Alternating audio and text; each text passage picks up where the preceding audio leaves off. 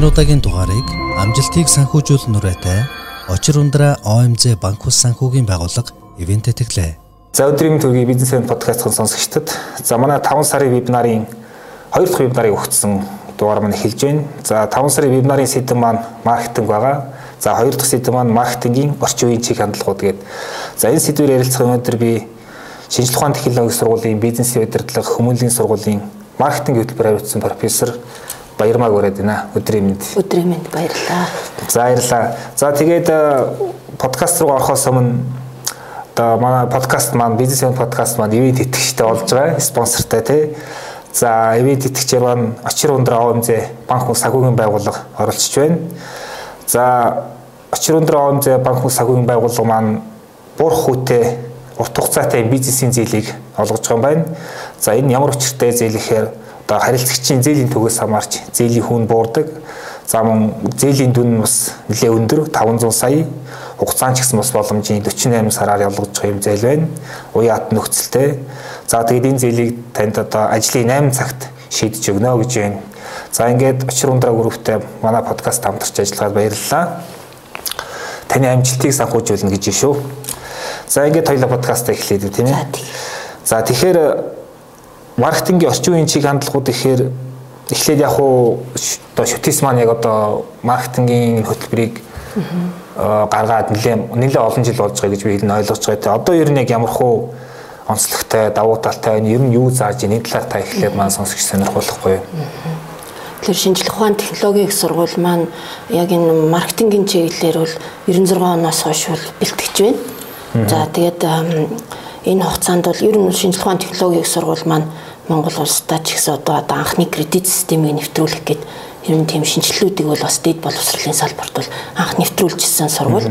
За хуучин бол манай сургууль бол одоо компьютер техник менежментийн сургууль гэдэг нэрээрээ бол одоо брэнд сургууль байсан.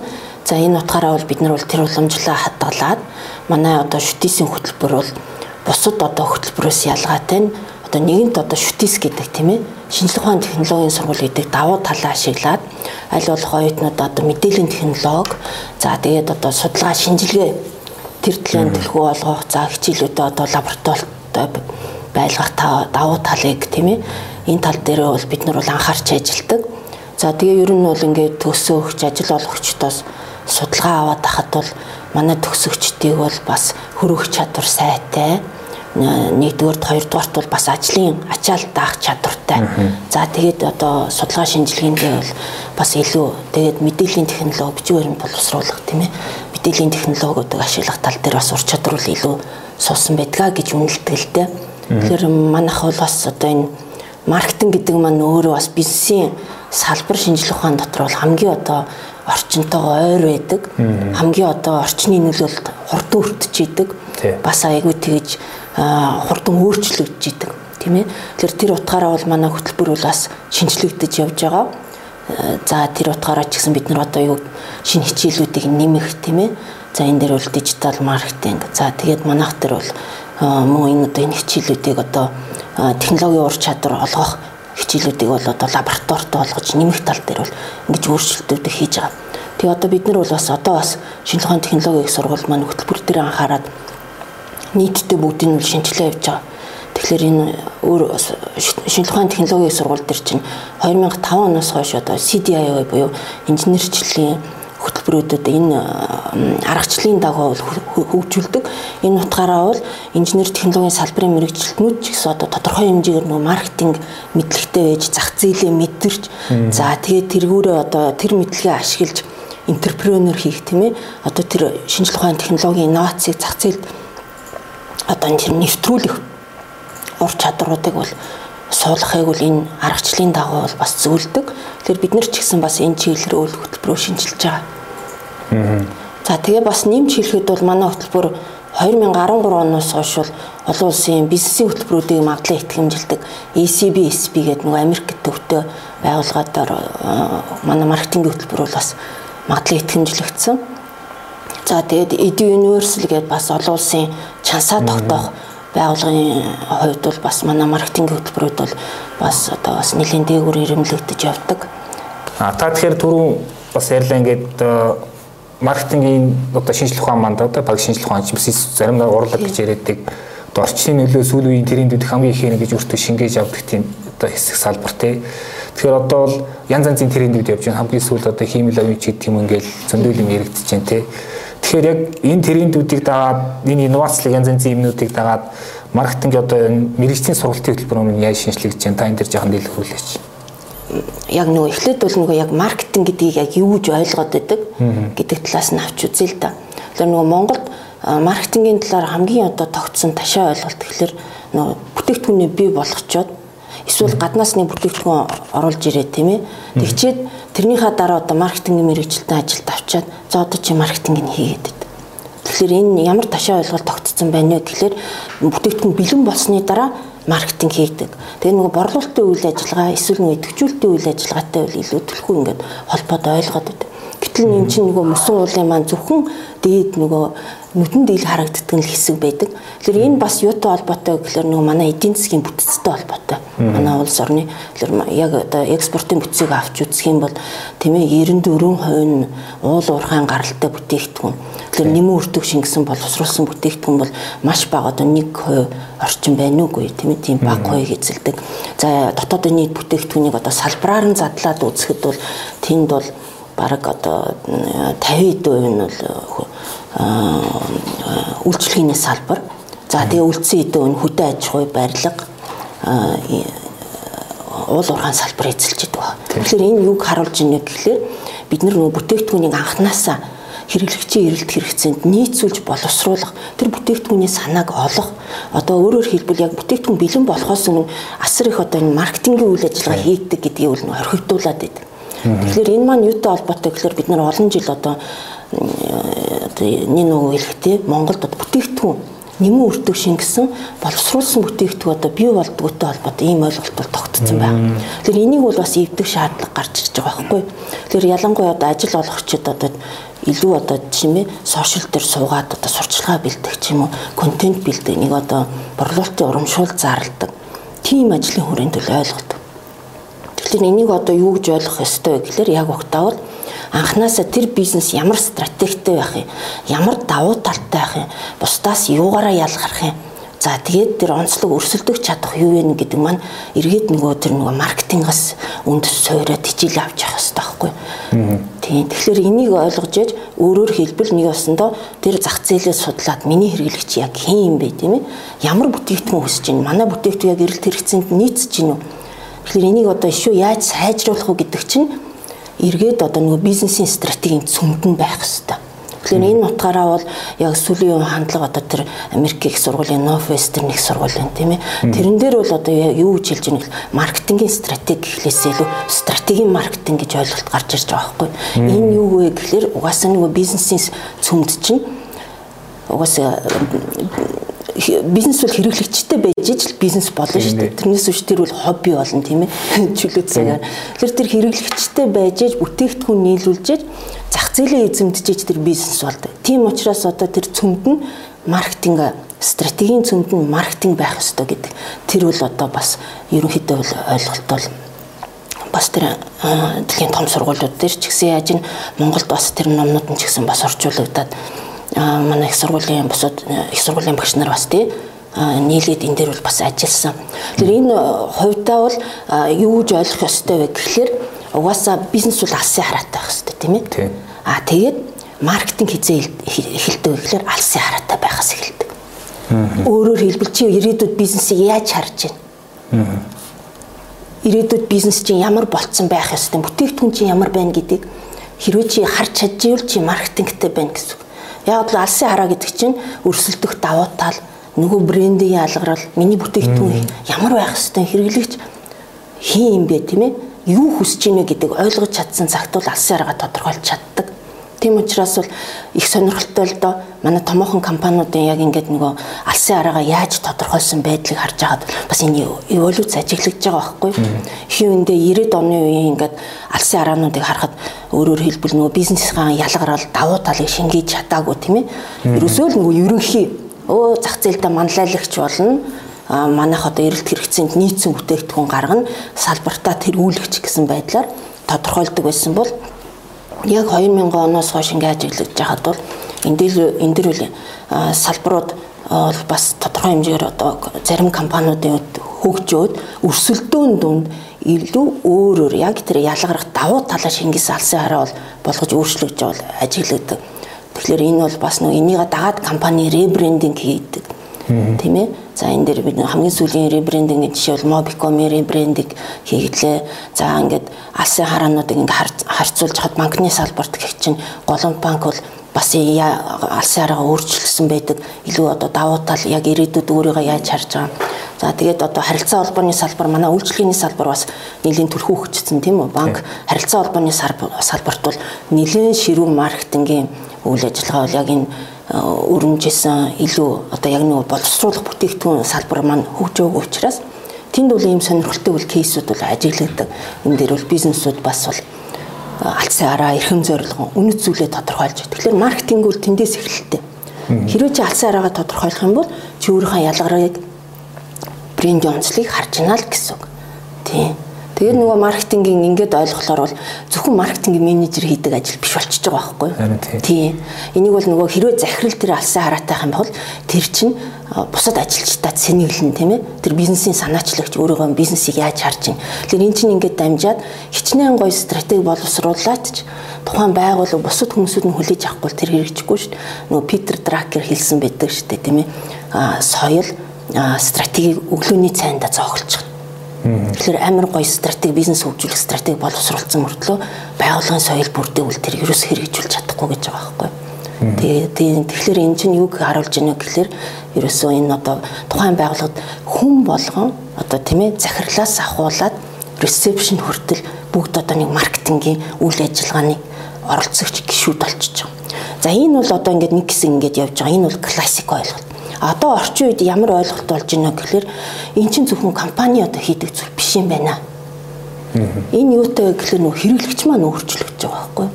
Хэрэглэгч яагаад өөрчлөгдөж байгаа гэхээр бид нар орчин үед мэдээллийн 900 байна. Шинжлэх ухааны технологийн өсрөнгөө хөгжил тийм ээ инновацийн 900 байна. Тэгэхээр ингээ харахад бол ялангуяа мэдээллийн технологийн салбарт хийгдсэн ололт амжилт энэ интернет технологи бол юу бий болгосон бэ гэхээр хүн болгоны харилцааны хэсэг болж байгаа. Тэгэхээр маркетингийн өмнө төвчүүлэлт гэлж ойлголдог байсан бол энэ бол харилцаа болж хэрэг. Тойрч. Гэтэ бүр харилцан харилцаа. Яг бол 20 дугаар зуунд жишээлбэл бид нар зарц шулгаа татчихсан шүү дээ. Тий. Хитэн өн хүлээж аваад яг үзсний тооцож чаддгүй байсан. Тэгэхээр энд бол илүү их анхаарал татсан тийм байдлаар креатив юм салбар хөгжсөн бол одоо бол интернет технологи хэмэл оюугаа энэ чинь бүгд тооцоо дата нь үлддэг. Тэгэхээр орчин үеийн маркетрууд бол дата аналист болж хувирж байгаа хгүй нэн тэргүнд тийм ээ одоо энэ сошиал медиа платформуд дээр хөгжүүлж байгаа үйл ажиллагаа дүн шинжилгээ их. Хичнээн хүнд хэр хүрсэн юм байна хандлт хаанаас ирж байна хэрэглэгч одоо юу сонирхож байна наад зах нь хэдэн минут сонирхсан байна. Аль танай худ веб хуудасны чи аль хэсэг дээр илүү анхаарал нь төвлөрсөн байна.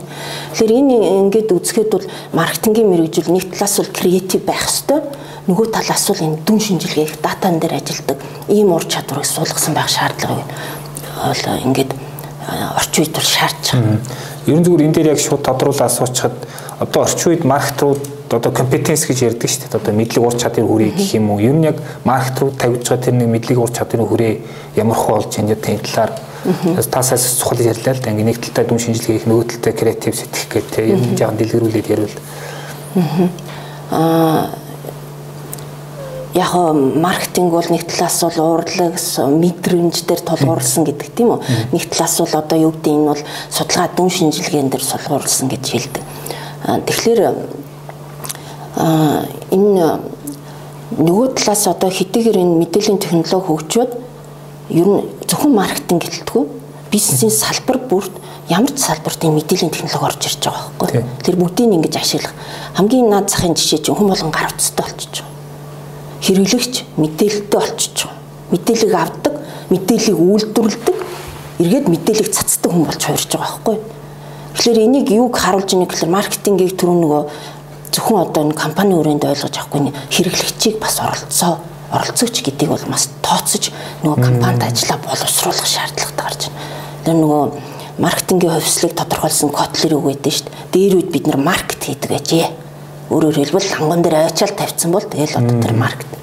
За дараа нь ясан маркетинг 2 буюу хэрэглэгчээ идэвхжүүлэх тийм ээ? Хэрэглэгчтэй сурчлагаа хийх танилцуулах үйл ажиллагаа чухал. Одоо ямар вэ гэхээр маркетинг вив буюу хэрэглэгчтэйгээ цуг маркетинг хийх. Тийм чиг хандлага руу очиж байгаа байхгүй.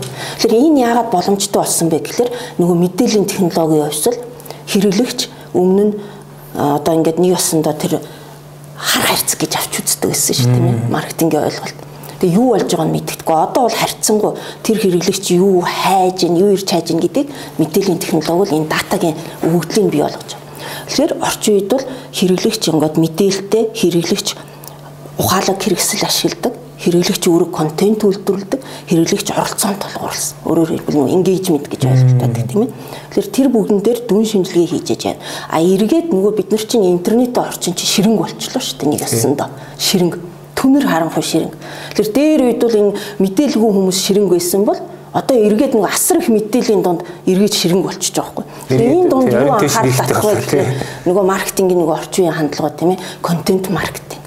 Энэ баунд маркетинг. Хүнийг хэрэглэгчээ татах. Хэрэглэгчээ одоо боловсроо олгох тийм ээ. Хэрэглэгчээ хүмүүжүүлэх. Одоо жишээлх юм бол Alibaba-гийн жишээ бол тэр одоо хиттийн зах зээлийг хамтдаа хүмүүжүүлэх хамтдаа ингээ боловсроо явуулсан зах зээл байгаа байхгүй. Тэгэхээр энэ бол ингээд хэрэглэгчтэйгээ хамт өсөж хөгждөг, хэрэглэгчээсээ фидбек авдаг, хэрэглэгчээсээ санаагаа авдаг. Ялангуяа нөгөө бүтээгдэхүүн боловсруулах үе шатнд ингэж харилцсан. За эргээд нөгөө контентээ бэлдээд олон нийтэд түгээхдээ төвчүүлэлтийн үйл ажиллагаа ихтэй хэрэглэгч тэр процессын нэг хэсэг болоо явж байгаа. Тэгэхээр энэ ойлголтыг гол нь л одоо ойлгох ёстой болчихж байгаа байхгүй. Тэрнээс биш бид нар орчин үед маркет руу орчин үеийн мэдээллийн технологийн янз янзын мундаг аппликейшн програм ашигладаг байж болно. Тийм ээ? Янз янзын техник технологи хэрэгсэл ашигладаг байж. А гэхдээ яг нөгөө өмнөх зооны маркетингаар ингэ сэтгээдэж болохгүй. Хэрэглэгчээ бид нар бөмбөгдөх ёстой, ингэж авах ёстой гэдэг байж болохгүй байхгүй энд бол хамтдаа явагдах ёстой. Энэ процесс бол байнгын апдейт хийгддэг процесс. Маркетинг өөр юм динамикаар хөгжиж байгаа гэдгийг л нөгөө гол нь юм бас нөгөө суулгаж өгөх хэрэгтэй санагдсан. Тэгэхээр таны ярьж бол өмнө нь хэрэгч хэрэглэгч ингэж яахан зайд байсан тийм гэдэг тийм пассив маягаар тийм маа энийг аваад тийм. Бидний үйлдвэрсэн юм та энийг ав гэд тэдэнд өргөө ав гэд. Одоо бол хэрэглэгч ингээ бүр нөгөө нэг бизнесийн стратегийн бүр ингээ төврийг улмалт өгөхөд байна л та тийм гэдгийг одоо та түр хэлсэнд хэрэглэгчтэй хамт ингээд зах зээлийг бүтээдэг болчлаа гэдэг. Тэр яг хуу энэ дээр дөрвөлийг асуух гээд нэхэр одоо манай Монголын компаниудын ер нь хэрэглэгч гэдгийг гэдэг нь одоо энэ оролцогч шүү дээ маш том ингээд нөлөөлөл нэгсээл энэ тий. Энэ дээр ер нь ямар хөө тийм нийтлэг алдаанууд гаргаад байна. Тэр нэг тэр бизнесийн стратеги боловсруулахтай ч юм уу ер нь цаашдаа бизнесээ ингээд явуулахтаа. Түрүүн нөгөө хэлсэн тий хамгийн ташаа ойлголт нь нөгөө маркетингийг нөгөө маркетингийн алба юм уу? Нөгөө маркетингийн ажилт нь л хийдэг гэж ойлгоод байдаг. Тэгэхээр энд бол нөгөө байгууллага ялангуяа нөгөө манайхан чинь одоо жижиг дунд бизнес тийм үү. За нөгөө Европын холбоо ч юм уу том дэлхийн англиар бол баг нөгөө бичил бизнесүүд болж хувирдаг ихэнх бизнесүүд. Тэрэн дээр ингээд үзэхэд манай нөхцөл байдал зах зээл жижиг бизнесүүд жижигхэн. Тэгэхээр энэ дээр ямар хандлага ажиглагддаг вэ гэхлээр нөгөө маркетингийг эсвэл нөгөө бизнес эрхэлж байгаа хүн өөрөө энэ ур чадруудыг эзэмшсэн байх хэрэгтэй. Эний талаар ойлголттой байх шаардлага бол зайлшгүй тулгардаг. А нөгөө талаас бол тэр байгууллагад оролцож байгаа хүн болгонд айгүй тийм өндөр хувийг эзэлж байгаа байхгүй. Нөлөөллийн хувь нь айгүй өндөр болдог маркетингт. За тэгээд нөгөө манай зах зээл чинь жижигхэн учраас бас тэгээд нөгөө дотроо нөгөө яг хитрхи ингээд нарийсаж бас болдгоо. Төрүүлж Тийм. Жишээлх юм бол тийм ээ одоо жишээлх юм бол маркетингийн мэрэгжилт нүүдэл нэг талаас одоо дата анализ хийх болж байна. Нэг талаас контент боловсруулах дээр ажиллах болж байна. Нэг талаас одоо энэ стратеги төлөвлөгөөгөө гаргах болж байна. Тэр энэ ур чадваруудыг бол бас тодорхой хэмжээгээр үл эзэмшсэн байх шаардлагатай. А тэгээд нөгөө нэг онцлог нь манайд бол яг нөгөө маркетинг яаж хөгжиж байгаа гэхээр бусад үед одоо барууны орнуудыг авч үзэхэд бол энэ 200 300 жил ингэж үе шаттайгаар хөгжсөн. Манад бол энэ бүх хандлагууд нэгэн зэрэг ингэж хуйларч хөгждөг. Тийм. Тэгэхээр энэ бол нэг талаас айгаа даваа талтай Монголд одоо нэг тийм боломжууд байдаг. Янз янзын юм туршаад үзэх боломжууд байдаг. А нөгөө талаасаа бас нөгөө жоохон бас одоо юу гэдэг аа бас нөгөө хязгаарлагдмал бас тэгээ зах зээл нь жижигхэн учраас юм болгоно хэрэгжүүлж болдог. Тэгэл нөгөө хуучин арга барил руу орохос өөр аргагүй болдог тохиолдлууд би яг одоо нөгөө сурах хичээл дээр тийм ээ бичсэн арга барилыг хэрэгжүүлэх боломжгүй болчихж байгаа байхгүй. Яг бол тэр чинь том компаниудад зориулж бичсэн зүйл. Том зах зээлүүдэд бичсэн зүйл. Аа наад тэгээд тэрий чинь яг зарим хичээлээ одоо маркетинг хичээлээд заах чинь яг гадаадын сурах бичиг барихад хэцүү байдаг байхгүй. Яг нөгөө Монголын нөхцөл байдал дээр буулгахаар тэгэхээр энийг юу яах вэ гэхээр манай зах зээлийн нэг онцлог гэхээр нэг нэгнийг айгуу дуурайдаг жижигхэн учраас. Тэгээ нөгөөнийхөө хийж байгаа юмыг адилхан хийхээс өөр аргагүй болдог Тэгэхээр нэг осондоо одоо нөгөө булган сүлгээд ойлголт өгдөө шүү дээ Монгол тий. Нэг нэг нэг юм хийхлээр яг дуурайгаа явдаг. Тэгээд нэг осондоо бас нэг талаас бол давуу талтай ингээд хөгждөг, нэг талаас бол нөгөө жижигхэн зах зээлээ ингээд бас бужигнуулаа хийждэг талтай.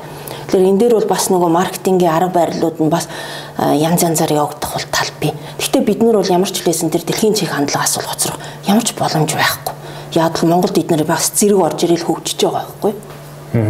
Тэгэхээр тасаас сонирхолтой өнцөг хөндлөлт ингээд сурах ичгээр ингээд байнга явах боломжгүй байдаг. Тэгэхээр юу гэдгийг та оюутнуудаар нь бас яг Монголын нөхцөл тохируулаад тэ ерөөд яг арай бас маркетинг арай өөр аргаар хийх болчиход шүү дээ. Тэ ярин таг оюутнууд ер нь тэр тал дээр юу гэж гол зөвлөдөг гэдэг. За яг энэ нөхцөлд бол одоо энэ сурах ичгээр явах жаахан тиймэрхүү тийм учраас ийм юм байгаар шийдэх юм яг тэр талаас нь юу гэж зөвлөдөг?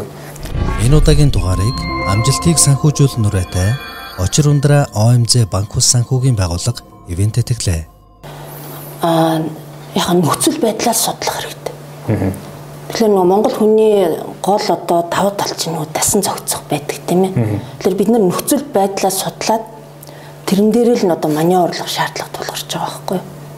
Тэгэхдээ бид нар бол гол зарчмуудыг бол мэдээж дэлхийн техник одоо тэр одоо онлайн зар гол зарчмуудаа бол мэдчих хэрэгтэй. А тэгээд магадгүй энэ бодит нөхцөл байдал өөр байж болно. А гэхдээ гол тулгуур зарчмуудаа бол бас хэрэгжүүлэл явах шаардлагатай. Одоо бас нэг юм нэг ажиглагдаад байгаа. За тухайн үүсгэн байгуулагч ингээд за баг ихэнх тохиолдолд ингээд өрхийн одоо бизнесийн төвчнээс эхлээд ингээд бизнес нь яг өргөжөөл өргөжөөл за нэг 5 ажилч 10 ажилтнад 20 30 ажилтнтай боллоо тодорхой нэг мөнгө урсгал бий болсон те борлуулалт гайгүй явж байна. За одоо маркетинг хэрэгтэй гэл те.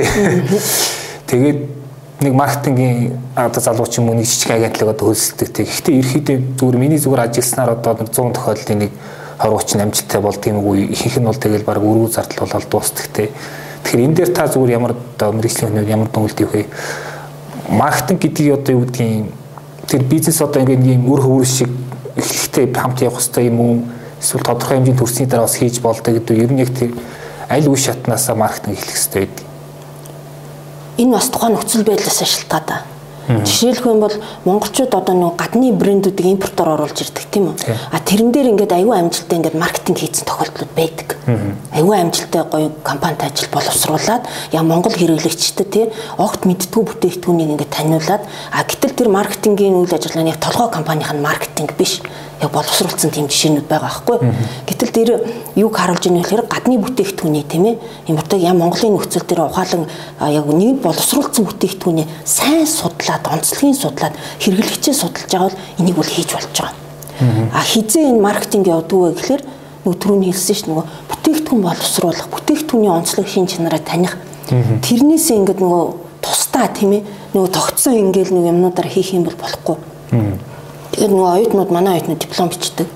Төгсөхдөө заавал тэгэл нөгөө бүтээгдэхүүн ихлээр судал гэдэг. Тийм ээ. Тэр идэж уух юм бол чи идээд үз. Амтлаад үз. Түрхдэг юм бол түрхээд үз. Үйлчлэгийн газар үйлчлүүлээд үз. Ямар ч лээсэн тэрийг нөгөө бүгдийг нь одоо мэдрэх ёстой. Тэгжээж одоо тэр бүтээгдэхүүний маркетингийг хийн. Өөрөөр хэлбэл бүтээгдэхүүнээ л мэдрэх ёстой. Бүтээгдэхүүнээ мэдрээд хэрэглэгчийн зовлонг мэдрэх ёстой хэрэглэгчийн зовлон гэдэг нь мэдээж нэг хумсан дотор.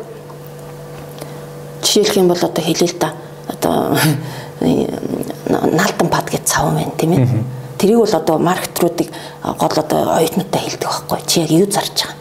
Чи яг юу борлуулах гэж байгаа? Тэгэл одоо наалтан пад гэх энэ юу? Чи юу борлуулж байгаа? Энэ цав цав биш. Энэ борлуулж байгаа юм цав биш энэ юу юм гэхээр одоо хүмүүсээс асуухад айл дээрүүд хэрэгжижсэн компанид ажил мөртлөө тэр юу хүмүүс тэрийн өгнүүдийн сандаг тий рекламын юу гэж гардаг лээ тэн дээр өгнүүдийн бүгдийг мэдчихэдэг. Тэг нэр нь хүртэл наалтан бат. Тэгэхээр маркетинг нэрнээс эхлэн маркетинг ресепшнээс эхлэн маркетинг байгууллагын өнгө зэмжээс эхлэн маркетинг захирлаас эхлэн. Тэг бүтээгдэхүүний нэрнээс эхэлж байгаа байхгүй. Тэгэхээр наалтан пад гэдэг үнцнийг санал болгож. Тэг хүний зовлон юм байх гэхээр нөгөө салцдаг тийм юмнууд нь тэрийг л ингээд наалтан пад гэдэг тэр зовлонг ойлгоод Яг нэрийг тааруулаад тэгээд санал болгоод идэвхжүүлэлтийн өрмөц байдлаар тэр энэ холбоо өгнүүд нь одоо хүртэл хүмүүсийн толгоонд үлдсэн байдаг. Тэр бол яагаад амжилтанд хүрж байгаа үнцнийг санал болгож байгаа байхгүй юу? Хэрэглэгчээ зөв ойлгоод хүргэлэгч ийм асуудалтай байдаг. Тэгэхээр энэ асуудлыг ингэ шийдэж өгье. Жишээлх юм бол тийм ээ. За жишээл нөгөө кенгуру тосны бас нэг амжилттай компанид ажил хийж байсан. Хүүчин гялцж яваа. Тэгэхээр энэ юу гэсэн үг? Энэ бас амжилттай хийж байгаа байхгүй юу? Энэ юу зарж байгаа? Гутлын тос биш. Энэ юу зарж байгаа? Амжилт зарж байгаа байхгүй ямар хүн гялцтэй амжилттай явж байгаа хүн гэдэг. Амжилттай явж байгаа хүн гялцдаг тэр хүүчин гялцаж яваа гэдэг бас сайн хийгдсэн яагаад гэвэл энэ үн цэнийг санал болгож байгаа? Тэгэхээр нөгөө маркетингийн компанид ажил боловсруулах маркетингийн стратеги боловсруулахдаа хамгийн түрүүнд би яг юу борлуулж байгаа юм бэ? Би яг юу зарж байгаа юм бэ? Хэрэглэгч энийг одоо кола бол зүгээр ундаа борлуулах байсан шүү дээ энэ бол ад жаргалын мэдрэмж борлуулж байгаа байхгүй шал өөр зүйл. Тэр ундаа борлуулж ийн хэмэл хийзээч тэр амжилттай явах. Хар мянган ундаа байгаа тийм ээ. Тэр ийм байдлаар нэг талаас бол ингээд гадны бүтээгдэхүүнийг Монголын нөхцөл байдалд яг нөгөө хэрэглэгчийн зовлонг ойлгочих юм бол амжилттай хэрэгжүүлж болно. А нөгөө талаас бүтээгдэхүүний анх санаагаа боловсруулахаас эхлээд цөмдөн тийм ээ? Яг нөгөө өрнийх нь бүр үр хөврөлд нь ингээд суулгасан байна шүү дээ. Одоо жишээлх юм бол хун хамтлаг байна тийм үү? Тэр бол угаасаа анханасаа ялгарл нь юу юм бэ те байхгүй юм их тийм ээ? Бидний стратеги үл ялгарах. Үндэсний хөгжмийг металл хөгжмөнтэй холбох. Монголоор дуулна. Гадаадаар дуулахгүй. Энэ үл ялгарл байхгүй. Онцлог дэлхийн зах зээлд тэгээд эний чинь шууд ингээд YouTube платформыг ашиглаад видео тийм ээ? Энэ бол идэвхжүүлэлтийн үйл ажиллагаа шоу бизнес явд ингээд тавьсан. Энэ бол үр хөврөлдөнд суулгасан маркетинг баг. Өөрөөр хэлбэл юу санал болгож байна шоу бизнесийн зах зээлд. Цоошин бүтээгдэхүүн онцлог ялгарсан бүтээгдэхүүн. Тэгэхээр иймэрхүү байдлаар тухайн нөхцөл байдлаасаа шалтгаалаад үр хөврөлд нь суулгаад яг үнэхээр бүтээгдэхүүн боловсруулах гэж бол амжилттай хэрэгж байгаа манай э, жишээнүүд байна тийм ээ? Монгол жишээнүүд. А мөн нөгөө талаас гадны имийг оруулж ирэхдээ хэрэглэгчийн зовлон яг тэр юу шаардлагатай гэдгийг оруулж ирж чадах юм бол бас амжилттай хэрэгж байна. Тэгэхээр аа сэнгэж асуумаар байна л да. Одоо одоо мөнгө олж ирдэг хэсэг нь бол одоо уул уурхай түгээд байгаа тий одоо экспорт хэсэг. За ажлын байр бүрдүүлэлт хэсэг нь бол голдуу худалдаа үйлчлэг байгаа тий манай эдийн засгийн бүтц ерхэдэй тийм. Тэгэхээр та түр ярил тэр үр хөвөлд нь одоо суулгах боломжтой одоо тэр маркетинг тий ерхэдэй тийм инновац одоо ямар нэгэн инновац шийдлэг бол анханасаа өөрөө ингэж баг маркетинг болоо тий ингээд тэр одоо юу гэдгийг маркетингийн нөлөөлөл нь анханасаа хүчтэй яваад эхэлдэг тий. Тэгэхээр юу гэдгийг миний ажигласнаар зүгээр тийм байхын тулд тодорхой одоо тийм өгөгдөл байх хэрэгтэй. Яг өөр хаач байхгүй тийм өгөгдөл одоо бусад улс орон бүс нутагт байхгүй. Тэгэхээр би зүгээр харддаг ингээд одоо бид нэр ингээд гадны бараг оруулж ирээд гадны менежментээр тэгээ гадны маркетингийн аргаар гэх юм уу одоо тэр бүх юмыг гадны байдлаар хэрэглээд гадныхтай өрсөлдөн их айгүй тийм жоохон сонин сонсогдоод байхгүй. Үнэхээр л тийм нэг гоё шийдэл гаргаж чадахгүй. Тэгэхээр одоо юу гэдгийг маркетинг талаас аж тэр өрсөлдөх чадвар талаас аж тэр инновацийн одоо тэр шинэлэг байдлаас аж тэр өгөгдөл бол манай энэ хөдөө аж ахуйн салбар юм уу, аялал жуулчлал юм уу, заваас дээрээс нь IT байж болж байна. Одоо контентын бизнес, шоу бизнес ингээд байгаад байх юм шиг харагдаад байхгүй. Тэгэхээр таны ажигснаар тийм амар гоё тийм нэг зөвхөн тийм Монгол үнэрчсэн маркетинг гэх юм уу тийм хийж болох салбарууд чиглэл юм уу, бүтээгдэхүүн үйлчлэгээр нь юу аж болох вэ? Тэгэхээр нөгөө онлын үед бас авч үзье л да эргээд яг нөгөө яг маркетингийн стратегиэр одоо юу гэдэг бизнесийн стратегиэр Харвардын профессор одоо Майкл Портер гэдэг. Яг нөгөө өрсөлдөх чадвараар дагнсан. Тэгээд тэр их сонирхолтой одоо өөрөө бол инженерийн мэрэгжилтэй хүн. Тэгээд одоо доктор магистра бол одоо ингээд эдийн засаг маркетингаар ингээд хамгаалцсан. Тэр тэр хүний үдсэн юм юу гэхээр альба альва нэг салбар улс оронд өрсөлдөх чадвартай байхын тулд юу хэрэгтэй вэ гэдгийг боловсруулсан байт. Жишээлбэл яагаад энэ японочууд ийм гоё автомашин үйлдвэрлэлд дэлхийд амжилттай. Яагаад германчууд ийм автомашин бас тийм ээ чанартай бүтэд. Яагаад Швейцарын банк байгаль аялал жуулчлал. Тэгэхээр энэ бүх олон улсын жишээнүүдийг судлаад олон улсад энэ бүтээгдэхүүн амжилттай болоод өрсөлдөх чадхтай болоод үнэхээр борлуулагддаг болохын тулд юу хэрэгтэй юм бэ гэдээ үзгээр тэр га нэг ромб загвар гэж байгаа. 6 хүчин зүйл. Нэгдүгürt дотоодын өрсөлдөөн байх хэрэгтэй. Тухайн салбар. Жишээлх юм бол дотоодоо тэр бүтээгдэхүүнийг үйлдвэрлэдэг нэлээд хэдэн компани өрсөлддөг хооронд. Хоёрдугаарт юу яах хэрэгтэй вэ гэхээр хэрэглэгчд байх хэрэгтэй тэр бүтээгдэхүүн. Дотоодоо тэр бүтээгдэхүүн хэрэглээд хэрэглэгчд нь хямсгар байх хэвээр шаардлага тавьдаг байх хэвээр хэрэгэлдэг байх хэвээр. Тэгвэл тэр бүтээгдэхүүн үйлдвэрлэгчид ингээд харилцан үйлчлэлт ингээ хөгждөг. Тэгээд бас гурав дахь нь юу байх хэвээр гэхээр дэмжих салбар байх хэвээр.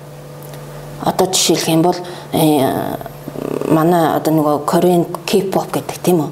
Одоо жишээлх юм бол тэн дээр бол ингээд дотоодын өрсөлдөөн маш олон хамтлаг байна. За тэгээд хэрэглэгч нь гэх юм бол солонгос хүмүүс энийг өөрснөө маш өөрөө сонсдог. Кино урлаг бүх одоо энэ шоу бизнес дэлхийд дахны аялал жуулч хоол уд бүгд ингээ хоолндоо уялдаатай ингээ кластер хэлбэрээр хөгжиж. Дэмжих салбарууд нь юу гэхээр тэр контент үйлдвэрлэгч кино, дуу, найруулга, жүжигчид энэ бэлж байгаа бүх салбар бол дэмжих салбарууд. За тэгээд нөгөө төрийн бодлого хэрэгтэй. За тэгээд нөгөө юу хэрэгтэй? Аз хэрэгтэй. Бас дэлхийд дахинд одоо хандлагачийг. Тэгээ энэ 6 байж иж альва салбар дэлхийд өрсөлдөх чадвартай гарч ирдэг. Яг нөгөө Японы автомашины салбар бас тэгж дотоод маш олон цахилгаан бараа электрон бараа үйлдвэрлэгчд гарч ирсэн. За тэгээд тэд нар нь болохоор Япон хэрэглэгчид аюу хямсгар чанарыг эрхэмлдэг. Гадны юм хэрэглэх дурггүй, аюу үндэсрэх өөрийнхөө л бүтээгдэхүүнийг хэрэглэдэг. Хөдөө аж ахуйн салбар нь ч ялгаагүй Японы. Жишээлх юм бол хичнээн хямд байлаа гэд гадны хүнсний бүтээгдэхүүн худалдаж авдаг. Хөдөө аж ахуйн. Зөвхөн дотоодын ялангуяа тухайн орон нутгийнхаа л авдаг. Тэгэхээр энэ хэрэглэгчд нь хөгжүүлж өгдөг. Тэгээд дэмжих салбарууд нь байдаг. Тэгэхээр ийм байж ч хөд. Тэгэхээр энэ юуг харуулж байна гэхээр манай одоо соёл урлагийн салбарт одоо соёлын бүтээлч үйлдвэрлэгээ ярьж байна тийм. Энэ бол бас боломжтой байхгүй юу? бас энэ дэмжих салбарууд дотоодын өөрсдөө өгдөл маш их байгаа тийм өгдөл байгаа байхгүй энэ салбарын үед бол энийг дэмжиж төрийн бодлого за тэгээ аз нь байх юм бол энэ бол борлогдох бүтээгдэхүүн бид нар хий дэлхийн тавцанд гарах боломжтой яг дотоод ноолуурын салбарыг авч үз дэлхийд одоо манад ганц гардаг юм Монголын нэрийг барьдаг юм тийм ээ. Энэ бол дотоодын өрсөлдөөн байгаа. Монгол хүмүүс бүгд ноолороо хэрэгэлдэг. Дэмжих салбарууд байна тийм ээ. Одоо янз янзын жижиг үйлдвэрүүдээс ахуулаад малчид ноолороос цуглуурж за бодлого хэрэгтэй энэ дэр. За тэгээ аз байх юм бол ингэ яваа. Тэр энэ юг харуулж байна гэхээр зарим тохиолдолд энэ бол ингээд дэлхийд дахинд өрсөлдөх бид нар бүтээгдэхүүн гаргая гэх юм бол ийм бол боломжууд байгаа. А гэхдээ нөгөө маркетингийн хувьд бид нар юу зарах юм бэ тийм ээ? Бид нар Монгол нэг гэдэг нэрийг л зарах байхгүй дэлхийд дахинд. Тийм ээ? Нэг би асуух гэсэн. Ялангуяа нөгөө брендийн хувьд ингээ ойлголтууд байдаг. Country of origin буюу үүсэл орны брэнд. За тэрийг нөгөө брендийн нөгөө агентлаг бүр үнэлсэн байдаг дэлхийд дахины брэнд хамгийн үнцэнтэй улс орны брэнд бол Япон байгаа байхгүй. Япон гэхэлэр хүний толгойд аа чанар, технологи одоо юу гэдэг аниме, суши гэдэг ингээл бүрөөсө тодорхой ойлголттой тийм ээ. Тэгээд дараа нь Скандинавын орнууд орж ирдэг. Тэгээд Герман гэдэг юм тийм ээ. Швейцар энэ орнууд орж ирдэг. Өөрөөр хэлбэл а тэгээ бид нар бол бас нөгөө шүтээсийн багш нар бас энэ э, ямар боломж олдсон бэ гэхээр 2017 онд манай ноолрын салбархныг дагаад Францад болдог үзэсгэлэн худалдаанд оролцох боломж олдсон. CBI гэдэг Нидерландын төслийн хүрээнд тэгээ манай сургуулиас бас энэ багш нарыг бас тэмээ дэмжиж тэгээ тэнд ингээд яхад бол Монгол гэдэг нэр л зарагддсан юм бэл. Монгол гэдэг нэр бол одоо юу гэдэг made in China гэдэг юм уу те made in бусад одоо юу гэдэг Азийн орнуудад бол Монгол бол үнцэнтэй брэнд байгаа байхгүй юу. Тэгэхээр бид нэр хэрвээ олон улсад гарч байгаа бол бид нар хамгийн түрүүнд Монгол гэдэг нэрээр зарна энэ талаар бол тогтсон ойлголт бол байна. Тодорхой ойлголтууд байна. Энийг бол зарах боломжтой шүү хөгжүүлээ явчих юм бол яг Монгол гэдэг нэрийн дор соёлын төр контент үйлдвэрлэл байна уу? Боловсруулах бүтээгдэхүүн байна уу? Эргээд нөгөө уул уурхайн салбараа ч гэсэн тийм ээ. Улс орныхоо хувьд яг ингээд нэгдсэн тийм маркетингтэй байх боломж бол ингээд базчих боломж бол байгаа байхгүй. Яг улс орны яг А гэхдээ юм болгоны үл тэр портрийн тэр 6 хүчин зүйлээр уях боломжгүй юм билээ. Портер ч гэсэн бас өөрийнхөө дурдсан байдаг. Иннээс одоо ингээд тусдаа тийм ээ яг ингээд амжилтанд хүрсэн хүн бол боломжууд бол байна. Амжилтанд хүрсэн. За тэгээд энэ портрыг юу гэл хүүхдийн гэсэн стратеги гэдээ манай Монголд орчуулагдсан тийм ээ. Тэгэхээр энэ бол бас нөгөө нэг талаас бол өртөг багтай нэг талаас бас бас инновацлог байхыг шаардж байгаа байхгүй. Тэгэхээр энэ стратегиудыг бас хэрэгжүүлээд манай Монголын хувьд бол гадагшаа юу зарах боломжтой вэ гэхээр бид нар бол хятад шиг хямдхан үйлдвэрлэж чадахгүй Бид нар хятад шиг олноор үйлдвэрлэж чадахгүй.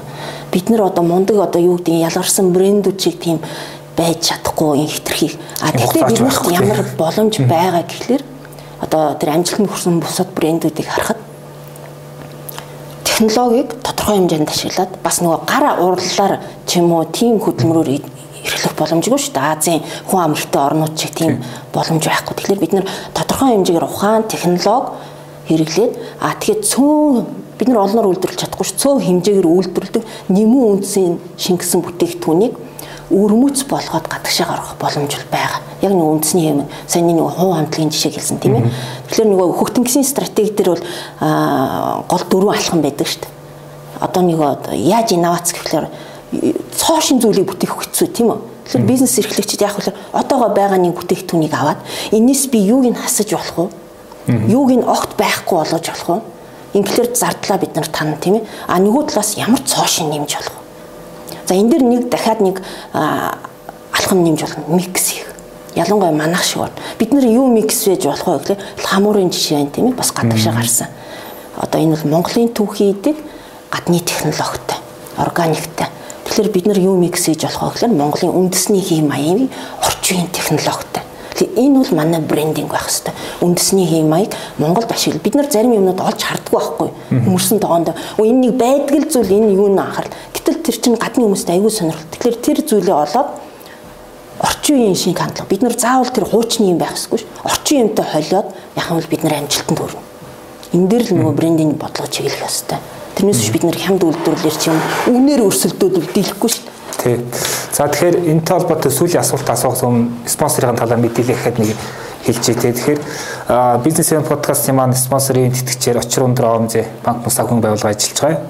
За тэгээд очир өндөр ОМЗ банк мус санхүүгийн байгууллага маань уур хүүтэй урт хугацаатай бизнесийн зээлийг санал болгох. За яг одоо бидний одоо та бүхэн ярьж байгаа энэ одоо гой гой санаануудыг хэрэгжүүлэхэд танай бизнест гой хөрөнгө оруулалт болохоо тэгээд 500 сая төгрөгийн хүртэлх хэмжээлийг олгож байгаа юм байна. За урт хугацаатай 48 сарын хугацаатай уяат нөхцөлтэй. Тэгээд таны зээлийн асуудлыг ажлын 8 цаг шийдэж өгнө.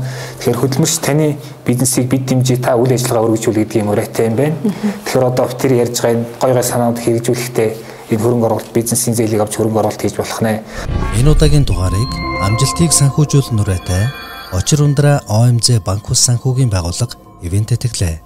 За тэгэхээр сүүлийн асуултыг би ингэж асуумаар байна л да. Одоо өмнөх асуулттай холбогдуулаа тий. А өгтөн гэсэн стратеги за бид нар одоо хинд юу зарж болох вэ гэхээр ингээд хятад гэдэг юм далаа шиг том зах зээл урд байна тий. Тэд нар биднээс юу авч болох вэ? Тэднэрт юу хэрэгтэй вэ? Гэт харахаар нөгөө органик хүнс гээд биднэрт нэг амар том өгдөл байгаа тий. Тэн дээр яах юм нэг гоё инновацик шийдлүүд гоё менежменттэй нэгдсэн тиймд одоо багийн тоглолтоо явуучвал уг аюу боломж таарагдаад байгаа.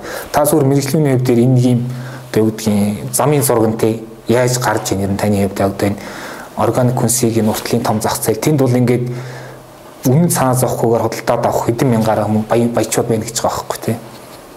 Тийм түрүүн бол бас хэлсэн ш нөгөө Монгол гэдэг бол энэ бол зарагддаг нэр олон улсын тавцан. Тэр бид нэр энийг аль зөв ашиглах хэрэгтэй. Тэгэхээр бид нар бол бусдын хийж байгаа зүйлийг хямдганаар хийж болохгүй. Тийм ээ. Тэгэхээр бид нар арай өөр юм хэрэг хэрэгтэй. Тэгэхээр түрүүний хэлдгээр одоо энэ органик хүнсний зах зээл бол Монголын хувьд бол заавал авч үзэх одоо нэг боломж. А гэхдээ энийг хийхэд нөгөө энийг яг нөгөө хийхэд саяны нөгөө портрийн яг нэг өрсөлдөөний тэр ромб загварын дагуул авч үзэхгүй бол дэмжих салбарууд хэрэгтэй болж байгаа байхгүй. Органик хүнс гэхэлэр жишээл нь махны салбарыг авч үзтээ махан бүтээгдэхүүн дээр авч үзэхэд хамгийн гол асуудал бол орчин үед бол органик sustainable доктортой байх гэдэг өгнө чинь тренд болчлоо шүү дээ. Гол зарагддаг өгнө тийм ээ зарагддаг нэр том юм. Тэгэхээр энийг ханхын тулд хамгийн гол нь манайх бол тийм гэдгийг байгаа. Баталгаа хэрэгтэй байхгүй. Баталгаа. Тэгэхээр бас сая бол нөгөө органик хүнсний тухай бас энэ органик юуны тухай хууль бол бас хилцэгдэж байна тийм ээ. Энэ бол бас нэг том дэвшил. Бид нэр энийг аль баталгаажуулж харуулах хэрэгтэй. Яг тэр гадаадад хүмүүс ярьж байгаа чинь танах ийм гэдгээ нотлол доо гэж байгаа байхгүй. Манайх эс ийм ийм аваач гэхлээр танах тийм гэдгээ нотол. Өөрөөр хэлбэл бид нар чанарын баталгаажуулалт хийгээд энийг харуулах юмтай болчих юм бол бид нарт энэ өөр хаалга бол нэгдэнэ. Одоо бол ерөнхийдөө бас нэг тийм нэг менежментийн асуудал байгаа байхгүй юу? Тийм ээ тийм. Тий. Одоо яг үнэхээр энэ бол органик. Тэгэхээр энэ дээр бол жишээлбэл гадныхан Монголын түүхийдийг ашиглаад яг хийж байгаа юу гэхэлэр яг тухайн тэр түүхийд яг тухайн хүнс хаанаас гаралтай вэ гэдгийг бүр трак хийх.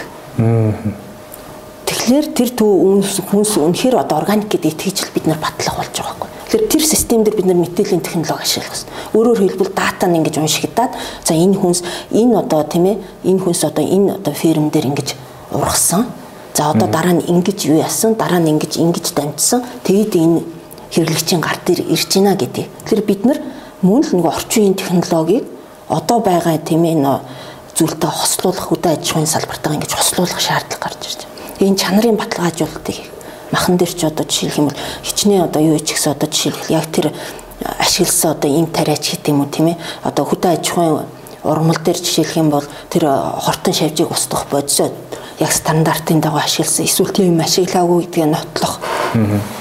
Тэгэд энийг баталгаажуулаад трак хийх тэгвэл бид нар үл амжилт. Тэр тэр гадны хүн бол бид нар олон улсад гарна гэдэг чинь шууд хятад хэрэглэгчид юмаа зарна гэсэн үг биш шүү дээ. Тийм ээ. Энэ бол B2C зах зээл биш байхгүй олон улсын зах зээл чинь. Энэ бол B2B бид бид нар байгууллагуудтай хэлээ ярилцсан.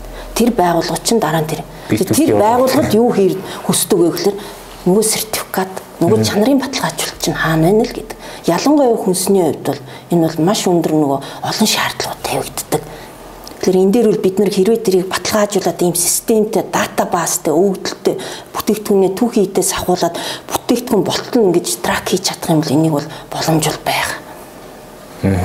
За баярлалаа. За ингээд хоёулын энэ удаагийн дугаарыг өндөрлөө. За тэгээд бизнес юмын вебинарын сэдэв маань 5 сард маркетинг сэдэв байгаа. За хоёр дахь вебинарын сэдэв маань маркетингийн орчин үеийг хандлагууд гэдэг ийм сэдэв байна. За манай зочноор шинжилгээ ухааны технологи сургуулийн бизнесийн удирдлага хүмүүлийн сургуулийн маркетингийн хөтөлбөр хариуцсан дэд профессор Баярмаа оролцлоо. Танд баярлалаа. За урьсан баярлалаа. Вебинар дээр уулзцгаая тийм ээ. За тэгээ вебинар дээр уулзцгаая. Энэ удаагийн дугаарыг амжилтыг санхүүжүүлэх нүрээтэй Очир ундраа ОМЗ банк ус санхүүгийн байгууллага ивент тэтгэлээ.